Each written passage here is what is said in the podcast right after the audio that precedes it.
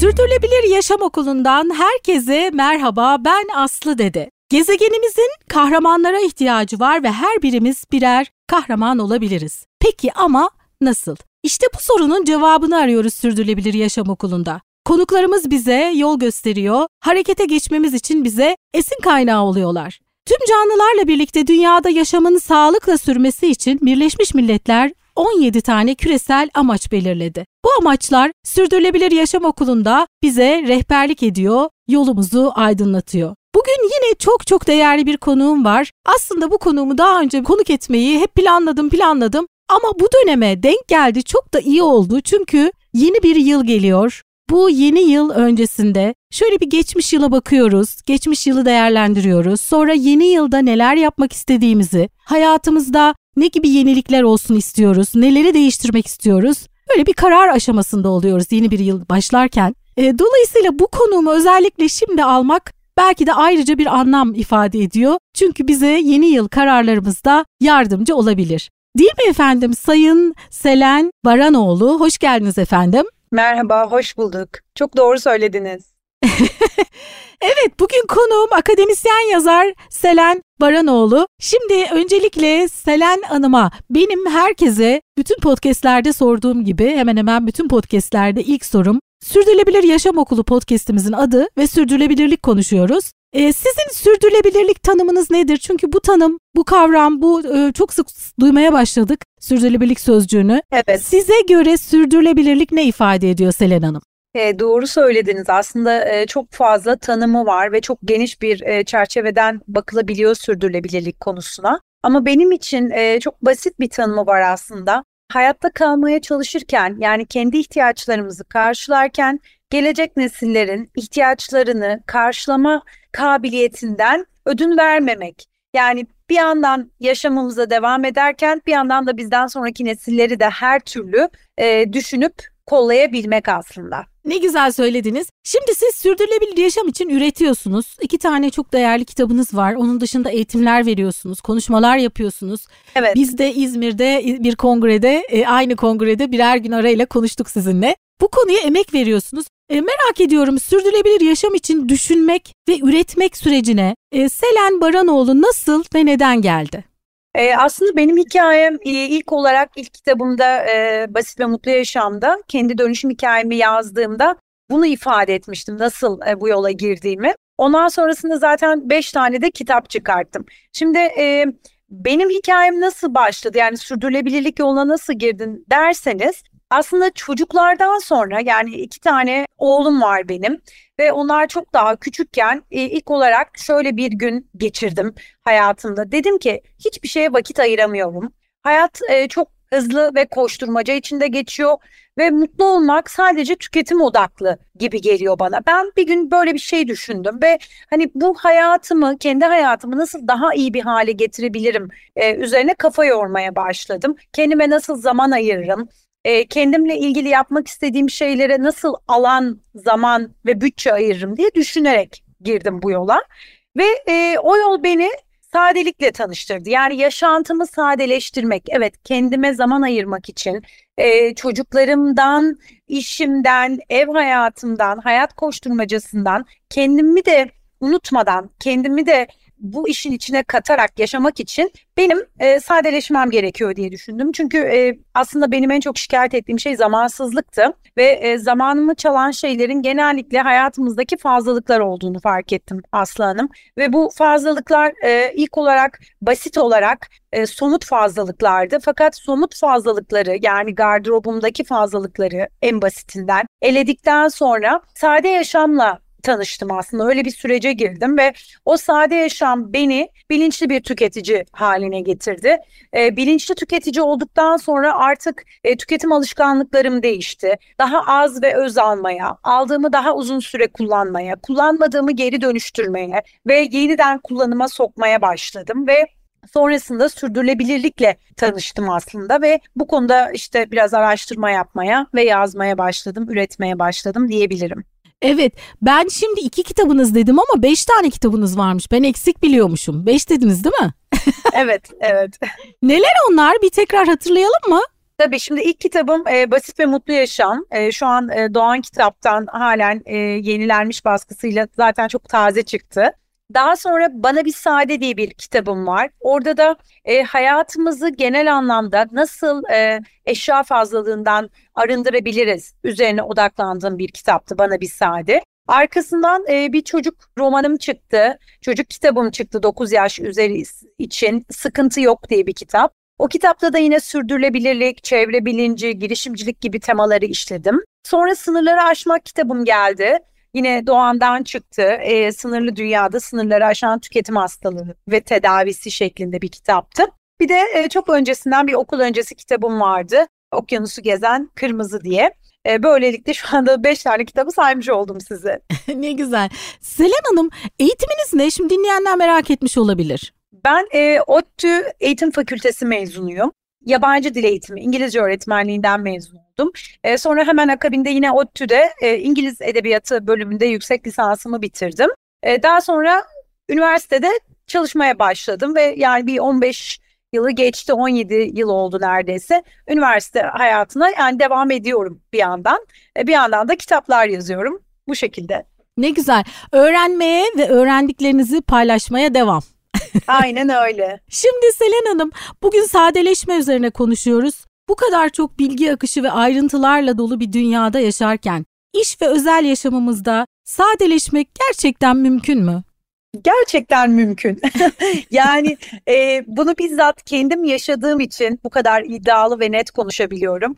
Ben bunu tecrübe ederek bugün buradayım ve sizinle konuşuyorum aslında. Pek çok insan şöyle düşünüyor maalesef hayatımı sadeleştirmem için özel yaşantımda veya iş hayatımda emekli olmam gerekiyor. Belli bir yaşa gelmem gerekiyor. Bir sahil kasabasına göç etmem gerekiyor diye düşünüyorlar. Çünkü aksi halde iş ve özel hayatında sadeleşmeye gitmek hayat koşturmacasında ve hayatının ortalarında aktif bir insan için çok mümkün değil gibi gözüküyor. Fakat ben bunun tam tersini söylüyorum sadeleşmek için, hayatınızı arındırmak için fazlalıklardan e, emekli olmayı beklemenize veya bir sahil kasabasından ev almanıza gerek yok. Şehir hayatında da koşturmaca içinde de hayatınızı sadeleştirebilirsiniz.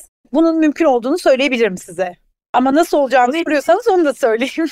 Şimdi biraz sonra soracağım onu. Siz Ankara'da yaşıyorsunuz. Evet şu an Ankara. Yoğun olarak Ankara'da yaşıyorsunuz şu anda. Büyük bir şehir. İstanbul her zaman çok kalabalık, çok e, yoğun trafiğiyle e, bilinir. Ankara'da uzun bir zamandır gitmemiştim. En son gittiğimde gördüm ki Ankara'da maşallah gayet bu konuda e, ilerlemiş, İstanbul'a yaklaşmış diyorum. Böyle büyük bir şehirde bile sadeleşmek mümkün. Peki evet. şimdi nasıl sadeleşebiliriz soracağım ama sadeleşmek neden bize mutluluk getiriyor? Biz niye sadeleşelim? Çünkü ben e, şuna inanıyorum Aslı Hanım. Bizi hayatta mutsuz, tatminsiz bir insan yapan her şey aslında bizim kendimize uzak kalmamızdan kaynaklanıyor. Yani kendini tanıyan bir insan doğal olarak kendi gerçek ihtiyaçlarını fark eder ve onları gidermek yoluna gider ve onları giderdiğinde de mutlu olur. Bu kadar basit. Fakat hayatımızı biz fazlalıklarla doldurduğumuzda bu eşya fazlalığı olabilir, zihinsel fazlalıklar, yükler olabilir, üzerimize fazladan aldığımız görev ve sorumluluklar olabilir. Bütün bunları üzerimize aldığımızda kendimizle yakınlaşamıyoruz ve o zaman durup şunu düşünemiyoruz. Beni bu hayatta ne mutlu eder? Benim bu hayattaki amacım ne? Ben neye daha fazla vakit ayırarak hayatımı geçirmeliyim? Bunları soramıyoruz bile kendimize. Çünkü hep koşturmakla meşgulüz. Yani bir yandan zihinsel yükler var, sorumluluklar var, trafik var. İşte yani hayat karma çorman ama aslında biraz da biz hayatımızı o hale getiriyoruz. Yani bakın mesela her gün sabah gardırobumuzu açtığımızda tıka basa dolu bir gardırobun önünde durup bu sabah ne giysem diye düşünmek bile hayatı zorlaştırmak aslında. Bunun sadeleşmesi bile en basitinden bir gardırobunuzu bile sadeleştirdiğinizde siz zaman kazanmış olacaksınız. Bu kazandığınız zamanla belki evden kahvaltı yaparak çıkacaksınız. Belki iki satır bir şey okuyacaksınız. Belki bir kahve oku- e, içeceksiniz. Yani e, bütün bunlar e, size zaman açacak, alan açacak. Bu sadece küçük bir basit bir örnekti. Hayatınızı genel anlamda sadeleştirdiğinizde, yani e, üzerinize almak istemediğiniz zihinsel yükleri almadığınızda, görevlerinizde, sorumluluklarınızda öncelik sıralamasına gidip onları sadeleştirdiğinizde e, tamamen kendi önceliklerinize göre pırıl pırıl bir hayat yaşayacaksınız. Bu da doğal olarak mutluluk getirecektir tabii ki. E, Selen Hanım şimdi böyle dinleyince şey gibi düşünüyor insan. Hani bir 30-40 yıl önce ya da bizim çocukluk dönemimizde aslında bugün sadeleşmek için düşündüğümüz, hedeflediğimiz yaşam biçimleri vardı. İşte dijital yaşam yoktu, bu kadar bilgi akışı yoktu, bu kadar nüfus yoktu, bu kadar fatura yoktu. Birçok ben hep onu örnek veririm. Yani ben çocukken eve bir iki üç tane fatura girerdi. Şimdi bir kere herkesin cep telefonunun ayrıca bir faturası var. Onu bile takip etmeye kalktığınızda o bile büyük bir farklılık yani hani onu örnek alırsak. E, şimdi ama bu demek değil ki biz sadeleştiğimiz zaman 30 yıl önceki gibi yaşayacağız birebir. Yani bugünün koşullarına kendimizi uyumlayarak ama aynı zamanda da 30 yıl önceki sade halde de yaşayabilir miyiz sizce? ben zaten aslında bunu anlatıyorum aslında. Çok doğru bu söylediğiniz. Çok da güzel bir noktaya değindiniz. evet bundan bir 30 yıl öncesinde hayat, teknoloji, sosyal medya şimdiki gibi değildi ve birbirimizle bu kadar etkileşimimiz, bu kadar küreselleşmemiz yoktu aslında.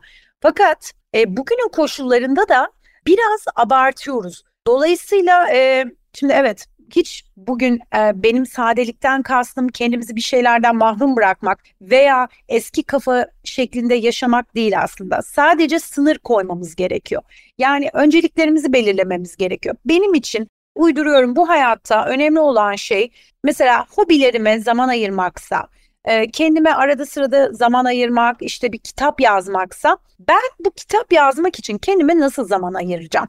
Benim zamanımı neler çalıyor? Sosyal medya çalıyor benim vaktimi. O zaman sosyal medyayı kısıtlamam gerekiyor. Televizyon benim vaktimi çalıyorsa televizyonu sınırlandırmam gerekiyor. Ondan sonra vaktimi çalan şey ya evimdeki e, alan darlığıysa yani sürekli bir eşyalarla onu oradan oraya al, onu oraya koyla uğraşıyorsam o zaman eşyalarımı sadeleştirmem. Daha yalın bir evde yaşamam gerekiyor. Daha yalın bir gardıropla yaşamam gerekiyor. E böyle olursa da eşyanın yükünü taşımak istemiyorum ben. Gereksiz başkalarının hayatını izleyerek zihnimi doldurmak istemiyorum. E bunların eğer ben bunları sınırlandırırsam bu bir sadeleşmedir zaten.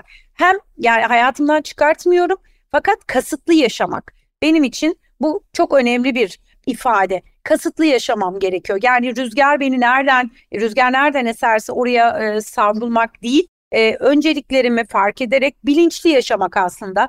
İstediğimde bir sosyal medyada saatlerimi geçirebilirim ama istemediğimde de bunu fark edip o gün onu kapatabilmeliyim mesela. Bunu aslında ben söylemeye çalışıyorum sadelik derken. Farkında olmamız gerekiyor. Neye ne kadar zaman, alan ve para harcadığımızın farkında olmamız gerekiyor ve hayatımızı yönetmemiz gerekiyor. Heh, demek yani önemli olan burada kontrolün bizim elimizde olması. evet aslında öyle. Yani. yani çok kontrolcülükten söz etmiyorum ama hani e, teknoloji ve sosyal medya e, ve belki diğer birçok kişi e, dikkatimizi alabilir, bizim zamanımızı, alanımızı alabilir. E, o onu mümkün olduğu kadar kendi kontrolümüzde tutmaya çalışmak, sınırları koyabilmek ve planlamak belki de değil mi? Aynen öyle yani e, bu dediğiniz gibi çok fazla bir kontrolcülükten bahsetmiyorum. Hayat ben zaten bunu savunan bir insanım. Hep e, söylüyorum hayat e, hep beklenmedik şeyler başımıza getirebilir. Biz planlar yaparız fakat bunu işte algımızı birazcık açık tutmak ve evet başımıza ne gelirse gelsin bir yerlerden devam edebiliriz. Yeter ki ya ben saldım kendimi artık hani bıraktım hayat böyle düzen böyle hiçbir şey değişmez demek yerine hayır nereden yakalarsam kürekleri oradan yoluma devam etmeliyim çabalamalıyım. Ben bu kelimeyi çok seviyorum durma çabala ifadem var benim bir tane. E, hayat e, kendi önceliklerimiz için e, çabalamak aslında ve bu çabayı ben hayatın zorluğu olarak görmüyorum. Tam aksine bu çabayı gösterenler için hayat çok basit, çok sade. E, ama bu çabayı göstermeyenler maalesef şey içinde kayboluyor. Bu çarkın içinde kayboluyorlar ve hayatı çok ıskalıyorlar diye düşünüyorum. Çok bir de güzel, basit ve mutlu yaşam demişsiniz. Ee, burada evet. tabii mükemmelliyetçilik de değil bu. Bu da özellikle altını çizmek gerekir. Çünkü biz burada bazı tavsiyeler veriyoruz. Ee, ama o tavsiyelerin hemen hepsini mükemmelce yapabilmek çok da hani gerekmiyor. Ee, nasıl ilerleyebiliyorsak, kendi bünyemize ne uygunsa, e, biz kendimizi zorlamadan değil mi, mutluluğumuzu e, zorlamadan, çok da fazla mükemmelliyet, mükemmelliyetçi olmadan. Çünkü ben yıllardır bu konuları konuşuyorum. e, işte organik beslenmeyle başladık yıllar önce konuşmaya. Hani böyle fazlasıyla mükemmel düşündüğünüzde bu sefer mutsuzlaşma e, durumu da oluyor. Yani ona dikkat edeyim, buna dikkat edeyim derken o, o ayarı da iyi bilmek lazım herhalde değil mi? Evet benim zaten Basit ve Mutlu Yaşam kitabımdaki başlıklardan biri mükemmelliyetçilikten vazgeçtir. Yani hayatımızın e, kontrolünü ele almak için mükemmeliyetçi olmamamız lazım zaten.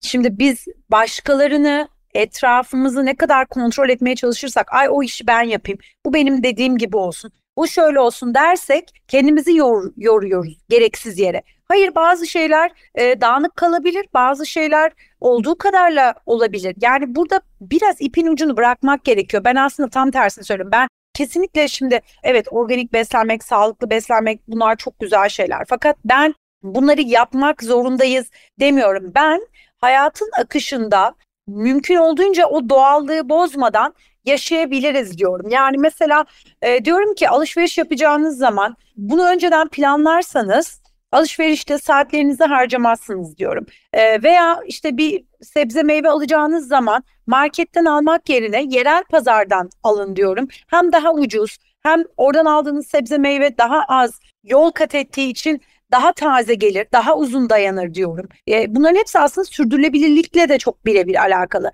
Sonra diyorum ki mesela yaşantınızı sadeleştirdiniz. 10 tane ayakkabınız olacağına siyah ayakkabınız olacağına bir tane siyah ayakkabınız olsun ama ona iyi bakın diyorum. O yüzden kaliteli kullanın, öz alın, az alın diyorum. Burada markayı kastetmiyorum, kaliteyi kastediyorum. E, dolayısıyla aldığınız o ayakkabıya bir şey olduğunda onu hot diye çöpe atıp yenisini almayın. Onu tamirciye götürün diyorum. Tamir ettirin diyorum. Yani bu yavaş bir yaşamı da getiriyor özünde.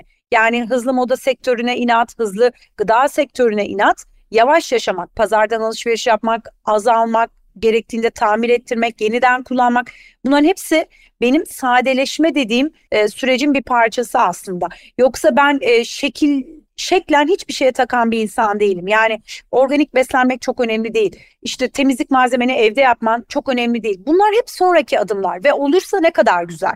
Fakat bu değil başlangıç. Başlangıç için önce fark etmek gerekiyor. Bizi yoran, tüketen şeyleri fark edip ipin ucunu biraz bırakıp kendi, ya başkalarının kontrolünü almaktansa biraz kendi hayatımızın kontrolünü ele almaktan aslında bahsediyorum ben. evet.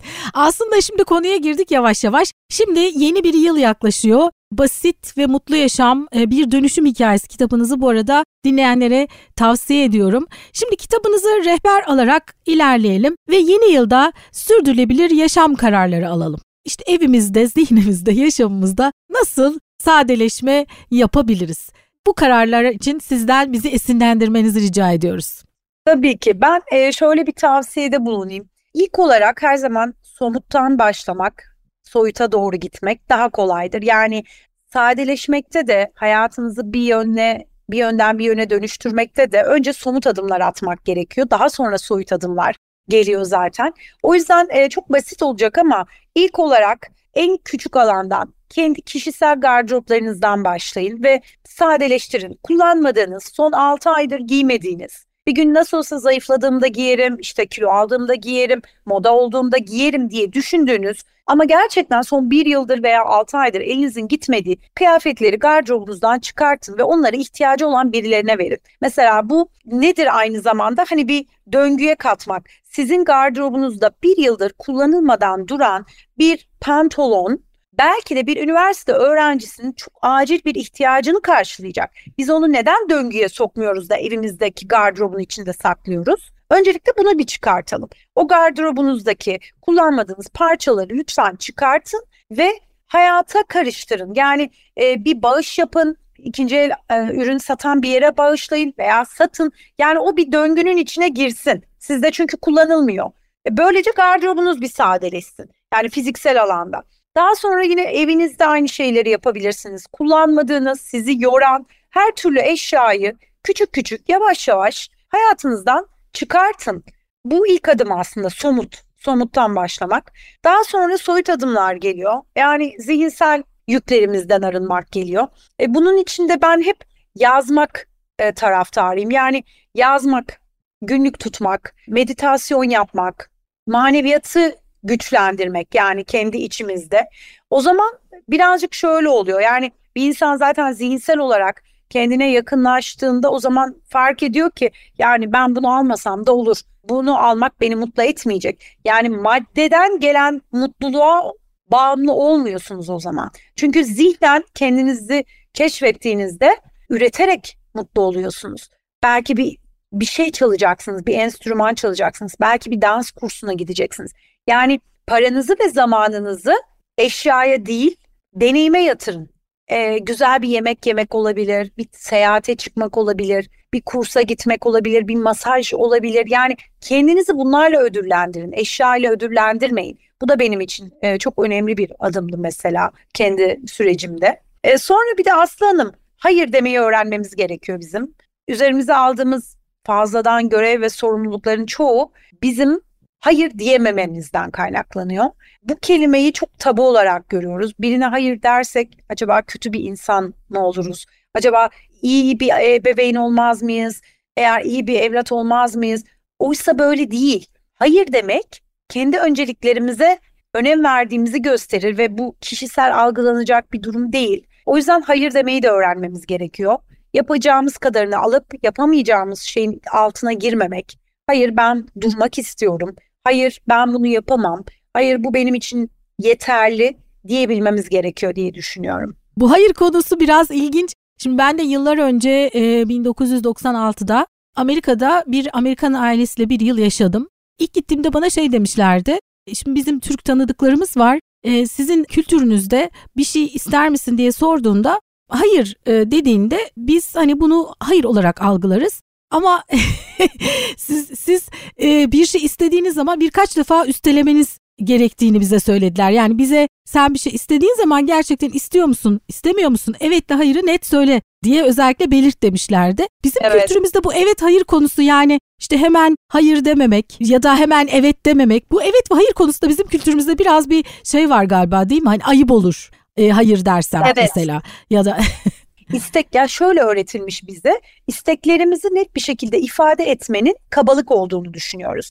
Fakat e, ben bunun böyle olduğunu düşünmüyorum. Net bir şekilde hatta net olmak bence daha fazla nezaket benim için. Karşımdakini oyalamamak, e, onun zamanına, onun bana sorduğu e, teklife onu oyalamadan cevap vermek bence daha nezaketli bir davranış. Sadece burada tavır önemli. Bizde biraz kültürden gelen bir şey var. Yani e, aslında hayır istemiyorum, teşekkür ederimse hayırdır bu. E, evet bir parça alırım, evet lütfen bu da evettir. Yani bu biraz öğrenilmiş bir şey ama bence artık yeni nesil bu konuda biraz daha iyi diye görüyorum. Yani ben üniversitede ders verdiğim için o süreci de çok iyi biliyorum. Yani 15 yıl öncesinden söyleyebilirim ki sınıfta öğrenciler de artık daha net ifade edebiliyorlar kendilerine, daha kendilerine güvenli. Tabii bunu saygısızlıkla karıştırmamak gerekiyor. Yani e, birine hayır derken e, tavrımız ve tarzımız çok önemli. Hani bir laf vardır ya ne dediğimiz değil nasıl dediğimiz önemli. O yüzden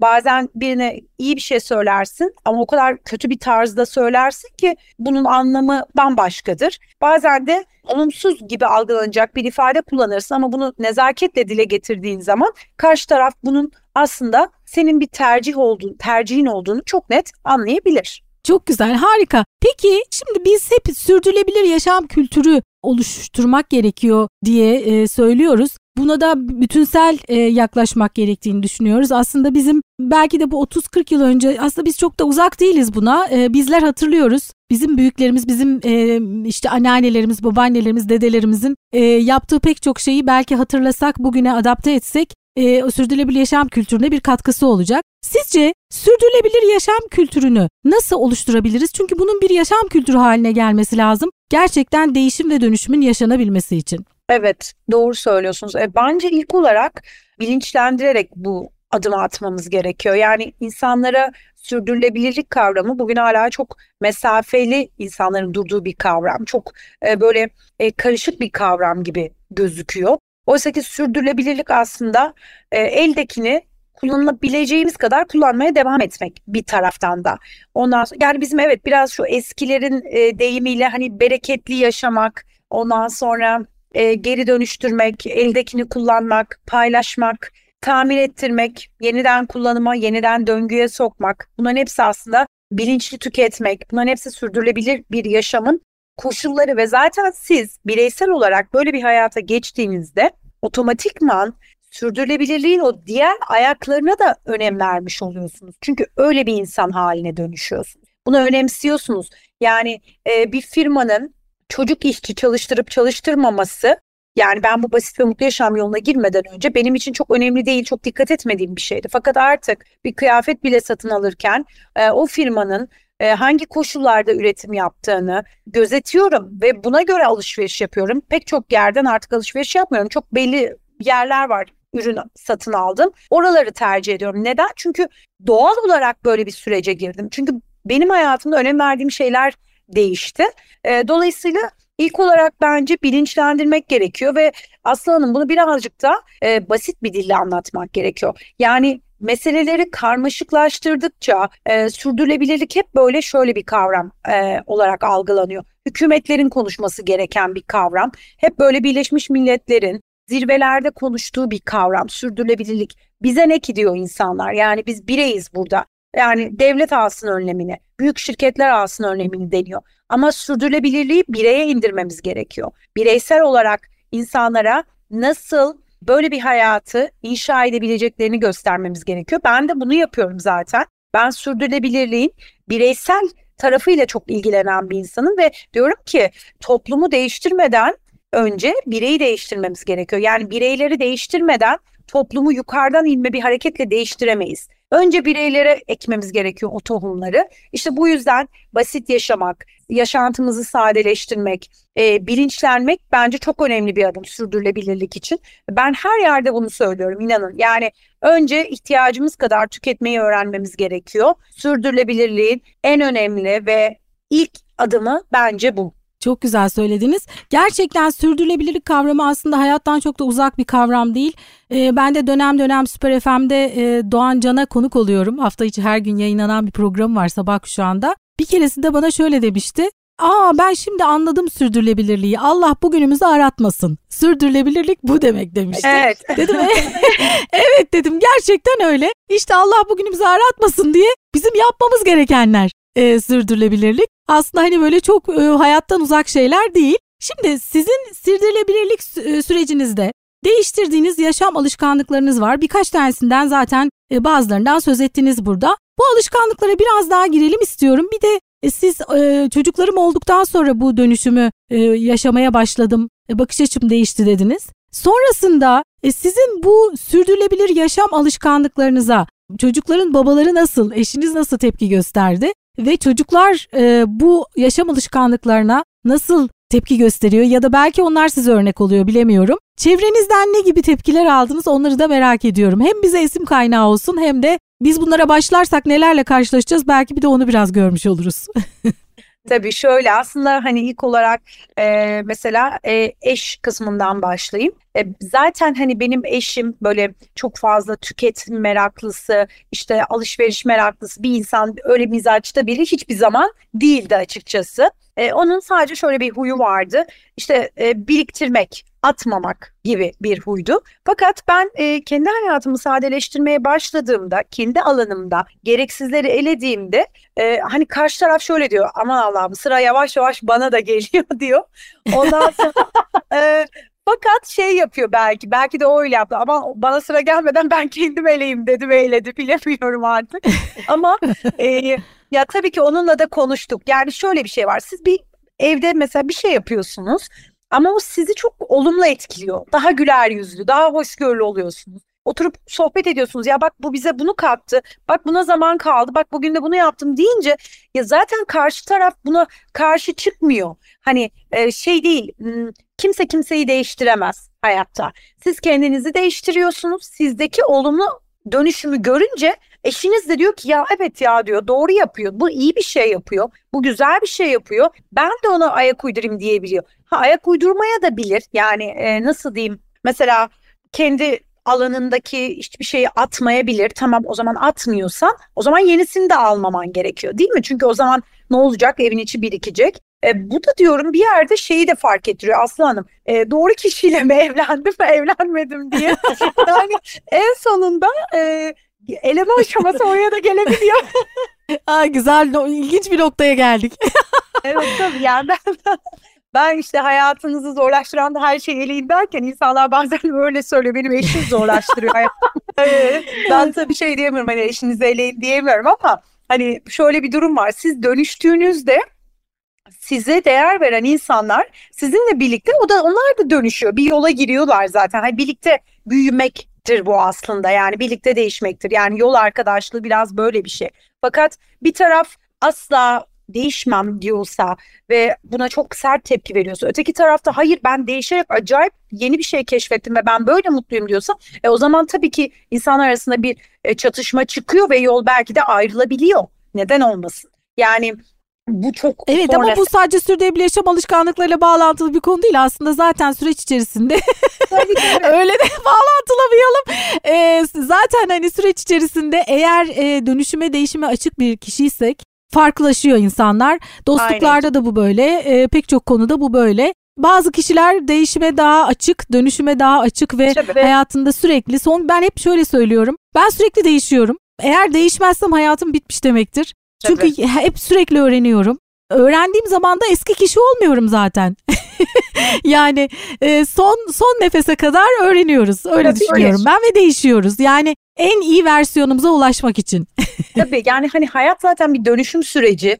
Hep her an değişiyoruz. Yani burada da ben şeyi söylüyorum. Biz ancak kendimizi değiştirecek güçteyiz. Kimse kimseyi zorla değiştiremez. Kimse kimseyi zorla bir şeye mecbur edemez. Ee, ancak bu iletişimle olur. Açık iletişim, e, gönüllülükle olur. Karşı taraf gönüllüdür. İki taraf bir şeyin daha iyi olmasına gönüllüdür. O zaman bu süreç aile içinde çok yapıcı bir şekilde ilerliyor. Ben de öyle oldu. E, çocuklarıma gelince çocuklarım sanırım böyle bir hayatın içine doğdular ve inanın Hani e, sofradaki muhabbet, evdeki muhabbet o kadar böyle ki mesela bana bir şey al dediğinde çocuklarım diyorum ki alamayız. Ama hiçbir zaman şöyle demedim. İşte bu çok pahalı. Şu an e, paramız yok. E, bunu alamayız demedim. E, dedim ki senin buna ihtiyacın yok şu an dedim. Yani sen buna gerçekten ihtiyacın var mı? Bak elinde çok bir benzeri var ve hala onu kullanıyorsun. Bunu aldığımızda onu kullanmayacaksın dedim. Onu kullan.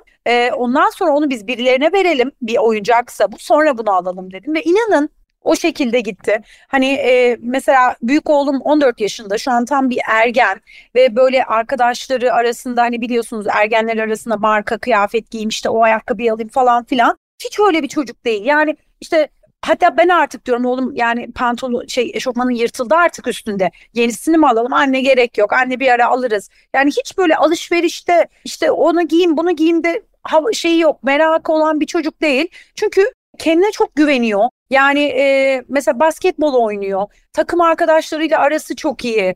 Başarılı oluyor ve o başarıyla övünüyor. Dolayısıyla ben öyle düşünüyorum. Herhalde o taraftan o kadar tatmin oluyor ki hani böyle bir kendini birilerine kanıtlamak için ya da bir gruba girmek için bir tüketime ihtiyaç duymuyor. Aynı şekilde işte küçük oğlum da öyle. Gerçekten çok kanaatkar çocuklarım var diyebilirim. Hani bunda bence bizim e, şey etkisi oldu. Konuşuyoruz. Biz de bu şekilde yaşıyoruz. Biz bunu dillendiriyoruz. Mesela abisinin küçülen kıyafetini, pantolonunu ben kesiyorum. Oğuz'a şort yapıyorum ve plajda yazın onunla geziyor. Ve ben bunun utanılacak bir şey olduğunu düşünmüyorum. E, ve onunla da her yere götürüyorum çocuğumu. Bunu normalleştirdiğim zaman çocuklar da bunu normal görüyor. Yani onun için bu garip senecek bir davranış olmuyor. Böyle oluyor. Yani işin aslı bu. Kendimiz e, değiştiğimizde ve tercihlerimizi biz çocuklarımızla konuştuğumuzda onlar da bunu anlıyor. Tabii ki bu demek değil ki hani onları bir şeyden mahrum bırakıyorum. Hayır elbette her şeyin e, bir anne bir baba olarak hepimiz çocuklarımız için her şeyin en iyisini öncelikle alıyoruz, kullanıyoruz. E, ama çocuklara da şunu bence e, söylememiz gerekiyor. Sınırlarını bilmeleri gerekiyor. Yani sınırsızlık içinde büyüyen bir çocuğun ben iyi bir yetişkin, olacağını da düşünmüyorum açıkçası. Kendini mutlu etmeyi bilen bir yetişkin olacağını düşünmüyorum.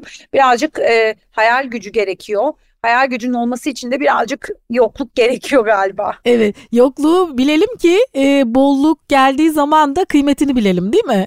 tabii tabii kesinlikle öyle. Evet, çok güzel anlattınız. Aslında tabii e, örnek olmak birincisi öyle algıladım e, söylediklerinizden. İkincisi de bir değişiklik yaşayacağımız zaman bunun bize faydasını eğer dillendirirsek ya da siz e, bunun faydasını e, gördüğünüz zaman bunu örnek olarak anlatırsanız dolayısıyla faydayı gördükleri zaman onlar da çevrenizdeki kişiler de bu yola adım atacaklardır diye düşünüyorum.